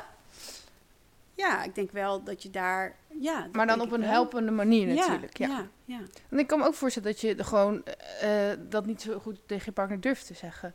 En het is natuurlijk ook lastig als de ene eh, bezig is met een, met een gezonde leefstijl. En eh, die wil juist gewicht verliezen. En er zit een partner naast je die elke avond een zak chips opentrekt. Ja. Ja, dan wordt het wel heel moeilijk hoor. Ja. En dan, ik zeg ook altijd, je mag echt wel eh, in je directe omgeving zeggen, jongens, ehm, hier ben ik mee bezig en het is onwijs moeilijk. Eh, help me een beetje. En het helpt me echt niet als je naast mij een eh, zak chips leeg zit te eten. Nee. Ik Dat gister, wat jij zegt, hè? dat Mhm. is hetzelfde als een drugsverslaafde, toch die drugs daarnaast. ja. ja. Ja, ik was gisteren op een feestje en ehm, ik eet even tijdelijk geen varkensvlees voor een Mhm. bepaald dieet. Mhm. Maar niet om af te vallen, zeg maar. Nee. Maar eh, toen was er ook zo'n jongen die zei echt zo van... ehm, ja, waarom eet je nou geen varkensvlees? Is het alleen maar om af te vallen? Is toch niet nodig? Ja. En toen dacht ik echt van, nou, stel dat ik inderdaad wel aan het afvallen was... dan maak je het me nu dus heel moeilijk. Ja, ja, Maar omdat het was niet voor het afvallen, dus ja. nee, en vaak, dat zeg ik ook wel, hè, als je ehm, aangeeft van ik eh, doe dit niet, want het is niet gezond voor mij, dan zeggen mensen, of ik wil, of ik wil afvallen, zeggen mensen altijd, ah joh, maakt er niet uit, doe eens gezellig, Ja. die ene keer. Of ook als je vegetarisch alleen al bent. Van, ja, eh, Ja. Maar als jij zegt, ik kan dat niet eten omdat ik er allergisch voor ben, want dan krijg ik een allergische Ja, reactie dan van, houden ze dan vinden ze het allemaal wel Ja. prima. Dan, denk- dan heeft niemand die zegt dan, joh, eet maar, maakt er niet uit. Misschien is dat wel een goede tip. Als je dus je levensstijl wil veranderen, gewoon altijd zeggen dat je iets niet mag omdat je er allergisch voor bent. Ja, dat maakt het wel makkelijker, want je kapt eigenlijk direct een discussie af. En aan de andere kant, als je erover nadenkt, is dat toch raar. Heb res- respect voor iemand zijn, eh, zijn keuze. Ja, Als je ervoor kiest om inderdaad eh, dat taartje af te slaan. We eten ook heel erg uit beleefdheid. Het is onwijs lastig als iemand voor jou taart mee heeft genomen. Ja. Om te zeggen, ja jongens, maar eigenlijk... eh, ja, maar ik vind het ook wel gek van waarom hebben we daar zoveel oordeel op? Want ik zit echt te denken, ja, dat hoor je gewoon heel vaak van... Oh, eet, jou ge- eet jij geen vlees? Wat Ja, raar of zo. ja. Of, eh, ehm, ja, Wil je geen taart? Ach, doe nou niet zo ongezond. ja. Waarom zit dat oordeel er? ja, weet ik ook niet precies. Het zou best wel te maken kunnen hebben dat ze op die manier hun eigen keuzes een soort van... Ja, goed praten. Ja, goed praten, verantwoorden. Ja, want dat Eh. merk ik. heb zelf inderdaad. Ik zeg niet dat ik helemaal geen meer heb, dat is onzin. Maar wel minder, omdat ik zelf ook al zoveel soorten Ja, diëten ja, en dingen heb ja. geprobeerd. Ja. Dus dan denk je van, oh, nou, die doet het zo, die doet het zo. Ik bereid ook echt letterlijk al mijn klanten daarop eh, op voor. Van er komt een moment dat mensen tegen je gaan zeggen: Oh, doe je dat, doe je dat zo? Nee, joh, je moet, het, eh, je moet gaan soja bakkeren. Of je moet je koolhydraten laten staan. Of je moet gaan vasten. Of ehm, je moet gaan leven van het licht. Ja. dus dat is altijd, dat komt omdat het zo'n grote jungle is. ja, En eh, hoe sterk moet je in je schoenen staan om dan bij je eigen plan te blijven? Ja. En daarvoor is het zo belangrijk dat je je lijf leert kennen, dat je je lijf leert voelen. En ehm, dat je dus vertrouwen krijgt in je lichaam. En dan krijg je automatisch ook vertrouwen in het plan en in dat wat je aan het doen bent. Mhm. Eh, maar er zijn altijd mensen die het beter weten. Er zijn altijd mensen die zeggen: eh, joh, dat heb je niet nodig. Je bent toch al mooi zoals je bent. Tuurlijk, iedereen is mooi zoals die is. Maar ik vind je op je allermooist als je comfortabel bent met jezelf. ja. En als jij echt comfortabel bent met jezelf, ehm, min 5 kilo, dan is dat zo. Ja. Dan hoeft niemand tegen jou te zeggen, joh, je bent, het is toch oké zo. Mhm. Het moet wel gezond blijven. Ja. Laten we daar wel... ja, inderdaad, als je echt eh, zwaar anorexia Ja. bent en niemand zou er Nee. wat van zeggen. Nee, is ook dat is ook niet oké. Ehm, en eh, heb jij zelf eigenlijk een partner? Of? Ja, ja. Ehm, Want toen jij dus zoveel afviel, eh, ging, ik ga even vanuit dat het een hij is, Ja. ging hij mee eh, met het afvallen? Nee, hij steunde mij wel daarin. Maar ehm, eh, ja, ik denk dat als je in een gezin ga je altijd, ehm, als de een gezond gaat eten, ga je altijd met, met daarin mee, denk ik. Zeker als je degene bent die kookt. Ja. Ehm, altijd wel gesteund daarin, ja. ja. Dat vind ik belangrijk ook. Ja, maar toch, ik denk wel dat heel veel... Ja, ik heb dan misschien een beetje een vooroordeel, maar dat mannen toch al heel snel zeggen... Ja, jij met je dieet, ik eet gewoon hamburgers. Nou ja, wat mannen heel vaak, wat mannen heel vaak wel zeggen, eh, is ehm, eh, inderdaad van joh, eh, je moet niet zo zeuren, dan moet Ja. je wat aan doen. Ja. ja, dan moet je gaan sporten, dan moet je minder eten. Dan, eh, maar die mannen kunnen dat ook makkelijker. Hè? Mannen kunnen veel makkelijker een knop omzetten. Dat merk ik in, in de praktijk ook. Ja, qua sport misschien, Ja, maar qua mannen- eten... Ik, ik ken juist heel veel mannen die zichzelf helemaal volvreten, zeg maar. Ja, die ken ik ook wel. Eh, maar als ze dan eenmaal overgewicht hebben en ze hebben die stap gemaakt om hulp te zoeken en ze zitten dan bij mij eh, tegenover mij in de praktijk en ehm, ze gaan dan voor hun doel, dan kunnen ze heel makkelijk zeggen: Oké, dit is mijn doel, hier ga ik voor. Ja. Die kunnen dat veel makkelijker dan, dan vrouwen. En dat komt ook omdat hun lichaam iets minder complex is. Wij hebben iets meer hormoonschommelingen. En, Ja. ehm, Hmm. Ehm, en hoe... Dus stel, ik eh, wil nog afvallen, wil ik niet meer, maar...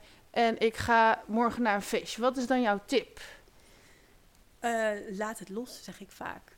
Ehm, je kan naar zo'n feestje toe gaan en met jezelf afspreken. Ik neem twee wijntjes en eh, drie bitterballen.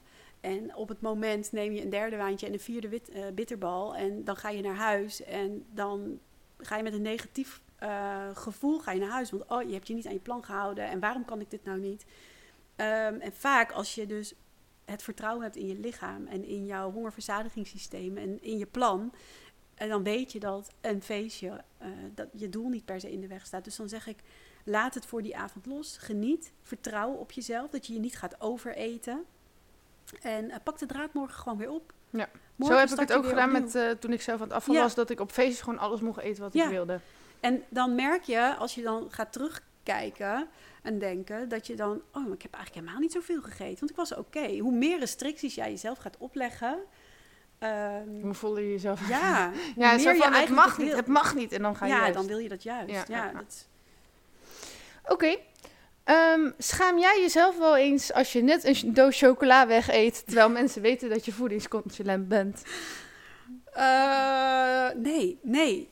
Nou ja, het is wel grappig. Soms dan, dan kijk ik in mijn boodschappenkarretje en dan denk ik, oeh, als iemand me nu ziet, want er ligt pizza en chips en... eh, nee, maar ik, nee, ik schaam me daar niet voor, omdat ik weet dat het gaat om die balans. En ik probeer op mijn social media bijvoorbeeld ook gewoon heel duidelijk... Ik, heb altijd, ik krijg altijd een beetje allergische reactie als, eh, als er dan eh, van die voedingsdagboeken voorbij komen van voedingsdeskundigen of diëtisten. En dat alles perfect is bijvoorbeeld. En dan denk ik, ja, dat kan toch niet? Ik kan niet alleen maar ehm, op eh bleekselderij knagen en worteltjes eten en alles. eh, Misschien als je in je eentje in een grot woont, maar... Ja, dan zou dat inderdaad, ja, ja dan. Nee, nee, dus nee, nee. Oké. En dan heb je ook nog nooit... Dus dat jij bijvoorbeeld net met, eh, weet ik veel, een taart stond, zodat iemand zei... Hé, hey, maar jij bent toch voedingsdeskundige? Ja, ik heb natuurlijk heb dat wel eens gehad. Ehm, maar ik ben daar ook eigenlijk wel heel open over. En dan denk ik, als je kijkt op mijn social media, heel veel mensen die, die eh, gaan dan toch eerst, als ze iemand zoeken voor hulp, gaan ze toch eerst een beetje website bekijken. En dan, oh, social media, eens even volgen. Dan hoor ik dan wel, ja, ik volg je al wel een tijdje. En dan krijgen ze al een beetje, een beetje het gevoel eh, van wie ben jij? En, eh, en ik ben daar heel erg mezelf. Ja. En er zit ook helemaal geen, geen plan achter. Dat is... ehm, dus ik, ja, dan deel ik dat ik af en toe ook een wijntje drink. En dat Ja. ik van een feestje hou. En dat ik van lekker eten hou. En van leuk leven. Ja, ja. Waar ben je het meest trots op? Ik ben heel trots ehm, op eh, dat mijn, be- mijn- mijn bedrijf goed loopt. Even zakelijk dan. Hè? Mhm. Ehm, ik ben heel erg trots op de samenwerking die ik heb nu. Ehm, ik denk dat we daar oprecht eh, een heel mooi programma hebben neergezet. Wat heel veel mensen kan helpen om meer balans terug te krijgen. En dus inderdaad meer grip op hun leven kunnen krijgen. Ik ben onwijs trots op, me, op mijn kinderen. Ehm, dat ze eh, lekker in hun vel zitten, blij zijn. Ehm, nou, dat. Zelfverzekerd. Mhm. Eh, daar ben ik trots op. Ja. Mooi. en eh, wat heb je nou voor boodschap als je terugdenkt aan je jongere zelf in een dieptepunt? Dus bijvoorbeeld vlak voordat je ging afvallen en toen je net was bevallen. Ja, dat is toch mm, lastig. Eh, dat je goed bent. Dat je eigenlijk altijd goed bent. En ehm, zoals je bent. En dat stukje zelfliefde en, respect voor jezelf. Je mag er zijn. En eh, durf dat ook te laten zien. En dat, dat is denk ik ehm, iets wat ik mezelf toen wel iets meer had in mogen fluisteren. Van het is oké, je bent oké zoals je bent. Ja. En het hoeft niet allemaal perfect te zijn. Nee. Ik denk dat vooral. En ik denk dat ik dat ook wel echt meegeef ehm, ja, aan mijn dochters. Van, het is oké en je mag jezelf laten zien. En eh, je hoeft jezelf niet te verstoppen. En je bent goed zoals je bent. Eigenlijk is, heb respect voor jezelf. Ja. Voor anderen, maar ook voor jezelf. Mhm. Dus niet alleen maar aan anderen denken. Je mag ook wel eens even beetje jezelf op nummer 1 zetten soms. Ja. ja. Mooi. Ehm, Hoe weet je nou zeker dat je nooit meer terugvalt naar de oude Tessa? Omdat ik het zo eigen heb gemaakt. Ehm, ja, het, is- het zit zo in mijn systeem. Het, is, het zit zo in mijn patroon. En ik ben, ben gelukkig met wat ik doe. Ehm, ik heb mijn sport nodig. Ehm, ik, ik heb een goede relatie met eten. Dus ik, eh, ik weet wat ik moet doen. Het stukje kennis heb ik. Ehm, en ook ik raak die balans wel eens kwijt hoor. Als ik op vakantie ben geweest en eh, denk, oeh, ik ben eh, ik heb even niet zo goed gefocust op, op mijn gezonde voeding. Heb ik de kennis en de macht om het weer terug te pakken. Om het weer, om weer Bij te sturen. bij te sturen, ja. Ja. ja. Oké, mooi. Wat zou je nou anders doen als je terug kon in de tijd? Eh, wat zou ik anders doen? Ehm, ik denk dat ik meer zou sporten. Zorgen dat dat echt meer in mijn systeem, dat, had ik, dat heb ik nooit gedaan. Ehm, en inderdaad, mezelf niet meer. Ik had mezelf denk ik niet klein gehouden. Mhm. Dat heb ik heel veel gedaan. Ja. Mezelf toch echt wel geremd. Dat ik dacht, ja, wie zit daar nou op te wachten? Of eh, is dat nou wel zo... eh, ehm, dat kan ik niet. Ik had dat wat vaker gewoon uit mijn comfortzone gestapt, zeg maar.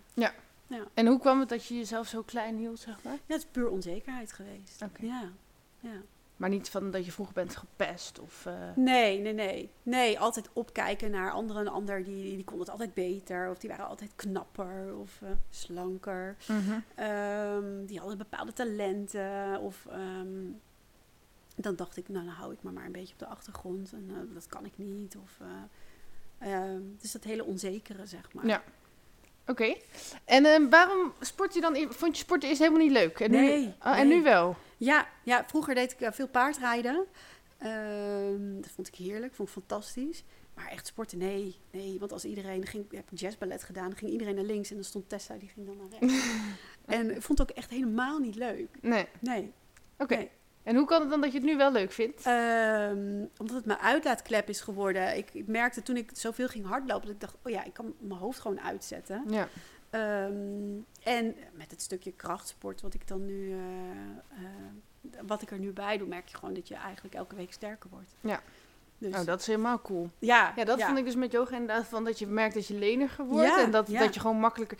Vroeger kon ik niet eens, als er iets op de grond lag Ja. en ik moest het oprapen, viel ik Ja. gewoon om, hè. Ja, ja, ja, ja. En nu kan ik echt heel lang eh, op mijn hurken zitten en, zonder om te vallen, zeg maar. ja. Ehm, ja, en ook wel, ik weet ook nog, toen ik echt heel ehm, zwaar depressief was, lag ik bijna alleen maar in bed. En ik voelde me zo zwaar. Gewoon elke beweging voelde zwaar. Maar als je dan gaat sporten, dan voelt opeens je lichaam ook veel lichter. ja. En ik, ik wist niet wat ik meemaakte, zeg maar ik dacht, oh, daarom kunnen andere mensen zo makkelijk bewegen. Hun Ja. lichaam voelt veel lichter. Ja, ja, ja.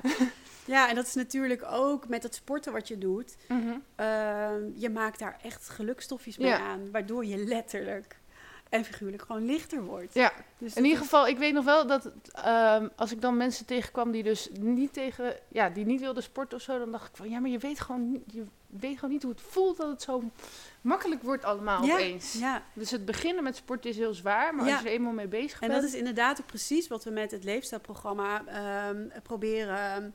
Dus dat we mensen proberen te motiveren en te inspireren en kennis te laten maken met dat je, dat je echt dus letterlijk en figuurlijk zoveel lichter wordt als je, als je daarmee bezig bent. Ehm, heb jij nog inspiratiebronnen? Dus mensen die je als voorbeeld ziet, of zoals je zo graag zelf zou willen zijn, of die je een beetje volgt? Nee, ik volg heel veel mensen, maar ik heb niet echt een inspiratiebron of zo. Ja, dat heeft iemand wel eens vaker aan mij gevraagd. Dan denk ik, is het misschien gek dat ik dat niet heb? Maar Ja, dat is wel heel gek hoor. eh, nee, nee, eigenlijk niet. En dat komt omdat ik heel erg probeer ook bij mezelf te blijven. En ik denk eh, dat ik heb... ehm, elke visie, elke coach heeft wel iets. En er zullen echt mensen zijn die misschien dit luisteren en denken: oh, maar die pakt het helemaal verkeerd aan. Of ik zou het echt zo doen als Ja. coach of als, als di- diëtist. Of, eh, het gaat er vooral om dat je iemand uitzoekt die heel erg bij jou past. En ehm, ja, nee, ik, ik kan wel zeggen, ik vind die persoon echt fantastisch. Ik vind iedereen eigenlijk. Iedereen heeft toch wel zijn eigen kwaliteiten. En, Mhm. Ehm, ja, Oké. Dan. Ja, maar vaak heb je... ehm, dus het is niet echt dat je het niet hebt hoor. Maar, maar vaak heeft iedereen wel een beetje mensen waar die dingen van overneemt of zo, weet je wel? ja. Nou, misschien doe ik dat onbewust, maar ik probeer dus juist vooral heel erg in mijn eigen kracht te blijven Ja, staan. ja. Dus heel erg bij mezelf te blijven. Want ik ben bang dat als je heel erg tegen iemand op gaat kijken of als inspiratiebron gaat gebruiken, Ja, dat dat je dus echt- te veel dingen gaat overnemen en dat het niet meer bij jou past als eh, coach of persoon of dat het niet meer past bij jouw visie. Hm. En dat vind ik wel. Ja, ik denk altijd, ik neem dus best wel veel van mensen over, maar ik pak dan gewoon mengelmoesjes Ja, van allemaal door ja, elkaar. En dan ja. maak ik het tot mijn eigen ding. En ik denk dat dat ook is. Dat, dat kan heel erg je kracht zijn, inderdaad. Eh, maar ik kan zo niet zeggen van, oh, ik heb, dat is echt mijn. Nee, Nee. nou, dat hoeft ook niet. Gelukkig. Heb je nog dromen en plannen voor de toekomst? Ehm, ja, vind ik ook best wel een moeilijke vraag hoor. Ehm, ja, ik heb heel veel dromen en, en eh, plannen voor de toekomst. Ehm, ik zou eh, het heel gaaf vinden om een soort lesprogramma te maken voor middelbare scholen. Ehm, ik zou het heel gaaf vinden om eh, de horeca wat gezonder te maken. Wat, wat jij net zei, zo'n eh, healthy fastfood eh, eh, restaurant. En dan ook nog langs de snelweg en dan met sportschool. Ja, met, ja, Weet je, dan sta je in de file en denk ik, nou weet je wat, nemen we deze afslag, gaan we even gaan sporten. we even sporten. en, eh, ja, dat, dat eh, gezondheid en een leefstijl wat toegankelijker wordt inderdaad ook. En, en eh, dat het wat makkelijker wordt om, eh, om te kiezen voor die gezonde leefstijl. Ehm, dus ik heb wel heel veel dromen en, ehm, en, en, en plannen nog wel. Ja. Maar ik wil ook niet ehm, veel te ver vooruit denken. Nee. Wat ik nu doe, wil ik gewoon goed doen. Ja. Dat vooral. Nou, dan doe je in ieder geval echt wat je wil doen. Ja, dat is ja mooi. 100 procent. Ja. Ik zou trouwens ook nog wel ehm, een soort van speeltuinen voor volwassenen buiten willen hebben. Zodat eh Ja. bewegen meer gestimuleerd wordt, Ja, zeg maar. ja, ja, het zou echt fantastisch zijn. Ga je meespelen? Ja. Ehm, nou ja, je zegt dus eigenlijk al dat je je droomleven leidt. Maar hoe zou je leven eruit zien als je morgen alles in je leven had waar je van droomt? Eh, nou, dan had ik toch wel een vakantiehuis ergens. Ergens waar het eh, lekker warm is. Italië of eh, Ibiza. Of, dan zou ik, ehm, zou ik iets meer vrije tijd wel fijn vinden. Oké. Ja, ja. Dus ik heb het heel vaak over balans. Ehm, maar die moet ik soms ook echt wel zoeken. Ja. Mijn eigen balans tussen werk en privé. En eh, ehm, ja, dus dan zou ik, als ik morgen dan wakker word, ehm, zou ik daar iets meer eh, controle over willen hebben. En dat- ergens heb je dat natuurlijk zelf ook wel. Maar ja, dus dat ik kan zeggen, nou, ik ga volgende week eh, ga ik naar Italië en dan ga ik naar mijn, naar mijn vakantiehuisje. Oh, heerlijk. Nou, misschien over tien jaar of zo. Ibiza is ook goed. Vind ik ook leuk. Hoe wil je herinnerd worden als je bent overleden? Wauw. Ehm, als een hele liefdevolle mama vooral. Ja, Oké. dat. En op het gebied van, eh, van mijn werk, ja, ik hoop gewoon dat mensen eh, die ik ooit geholpen heb, dat zij kunnen zeggen, ik heb veel van haar geleerd. Ja. Ja. Ik, ja, ik, ik zit wel eens van... Nee, ik zat echt te denken van... Als je dan moeder, zeg maar, je allerbelangrijkste... Dan zou je toch eigenlijk het liefst gewoon eh, zoveel mogelijk moederen. Maar ja, ze zijn ook al puber, dus dan is Ja, het wel zitten de- niet op mij te wachten, joh. Als ik eh, woensdagmiddag vrij plan, dan is het, yo, ik ga spelen. Ja. Nee, ook, mag ook geen spelen meer. Dat heet dan afspreken. Ja. Chillen heet dat, geloof ik. Ehm, ja, maar ik denk voor mij, en dat is ook voor iedereen persoonlijk... Mhm. ehm, ik kan alleen maar een hele goede moeder zijn... als ik Als je ook je eh, het beste uit mezelf Ja. haal... en eh, doe wat ik het allerleukste vind. Ja. Ehm, en eh, hele dagen thuis zitten... Nee, daar, daar word ik niet Nee. per se gelukkiger van. Dus ik vind ook wel dat ze, als zij, op, als zij inderdaad terugkijken en denken: Mijn moeder had een passie en een missie. En eh, die deed ehm, eh, alles met, voor 100% Dan, ehm, ja, dat. Oké, Ja. mooi. Ehm, wat zou je de luisteraars nog als laatste boodschap willen meegeven?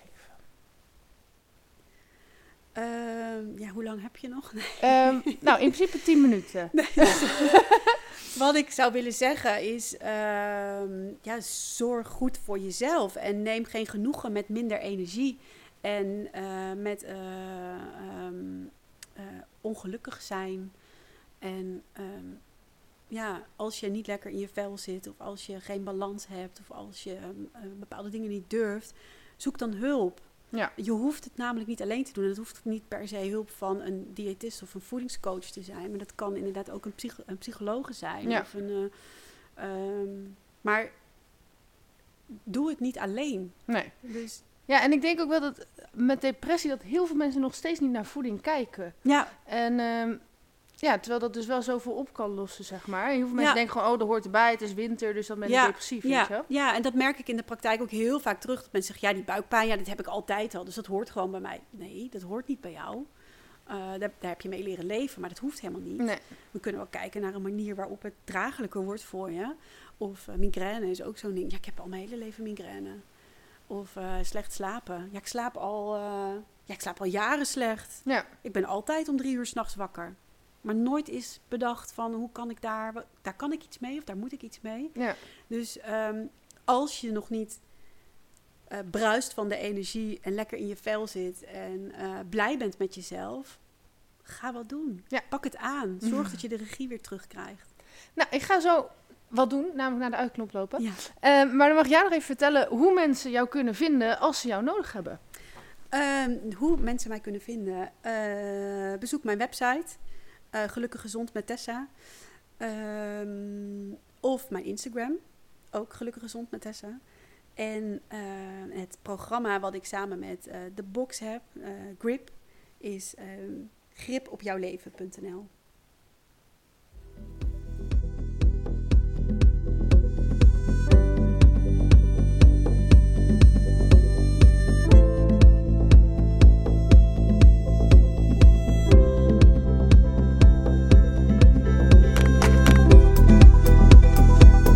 Meer weten? Ga naar belinda.nl of volg mij op Facebook en Instagram. Doei!